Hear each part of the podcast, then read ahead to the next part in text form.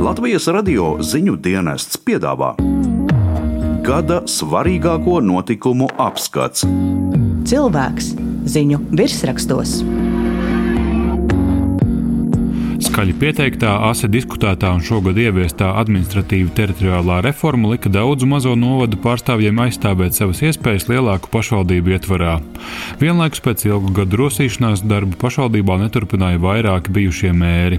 Viņu vidū arī bijušais Pāvilostas novada vadītājs Uldis Kristapsons.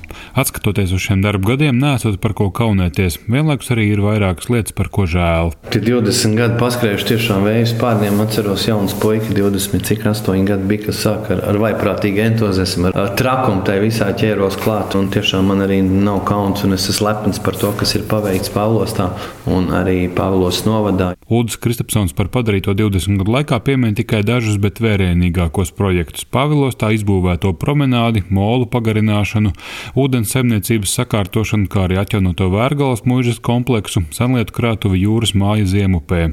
Tuvojoties neviennozīmīgi vērtētajai administratīvi teritoriju, teritoriālajai reformai iebildes, ka vairs nav varējis startēt no vietējo vēlētāju apvienības rindām, un nav bijis pierunājums startēt kādas partijas kandidātu sarakstā uz vietu apvienotajā Dienvidkurzemes novada domē.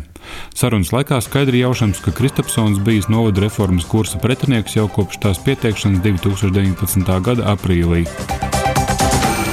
Pašvaldību skaitu Latvijā ir plānots samazināt no 119 līdz tikai 35. Ar šādu ieceri šobrīd iepazīstina vides aizsardzības un reģionālās attīstības ministrija. Pēc spraigām debatēm novada reforma noveda līdz 43 vietvaru izveidēji. Pavilostas novada iekļāva Prāvajā Dienvidkurzemes novadā. Tā domē 19 deputātu vidū nav neviena Pavilostas pārstāvja. Kristapsons secina, tā jau varēja paredzēt, un diemžēl Pavilostas novada iedzīvotāji būšot zaudēti skolotāji. Piemēram, esot dzirdēts, ka nākamgad vairs nebūs brīvpusdienu visiem skolāniem no 1 līdz 9 klasē, ko Pāvilostas novadā varēja nodrošināt, bet apvienotajā Dienvidkurzemes novadā vairs ne. Nepieciešamību pārstruktūrēt pašvaldību darbu Kristapsons nenoliedz, taču atgādna esot bijusi finansiāli pašpietiekamās Pāvilostas novada domas apvienošana ar septiņām citām vietvarām. Nu, tie tādi bērnu pekstiņi, es gribu teikt, ko stāstīja par tām pašām investīcijām. Nu, ne jau vienmēr liels ir labs un mazs ir slikts. Nu, Viss ir atkarīgs no kadriem, no cilvēkiem, cik tu aktīvi piesaisti naudas. Ja tu esi mazs un švaks, tev ir jāmeklē kāds stiprāks.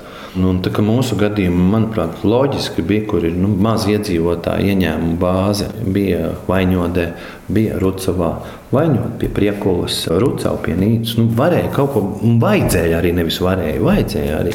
Bet tie, kas var paši pastāvēt un strādāt un dzīvot, nu, kam viņus nu, žmiegt nost? Nu. Aizejot no darba pašvaldībā, Kristapsonam ir sāpe par lietām, kuras nav izdevušās līdz galam. Strīdos iestrēga iespēja piesaistot Eiropas fondu finansējumu atjaunot dzintaru ielu Pāvilostā.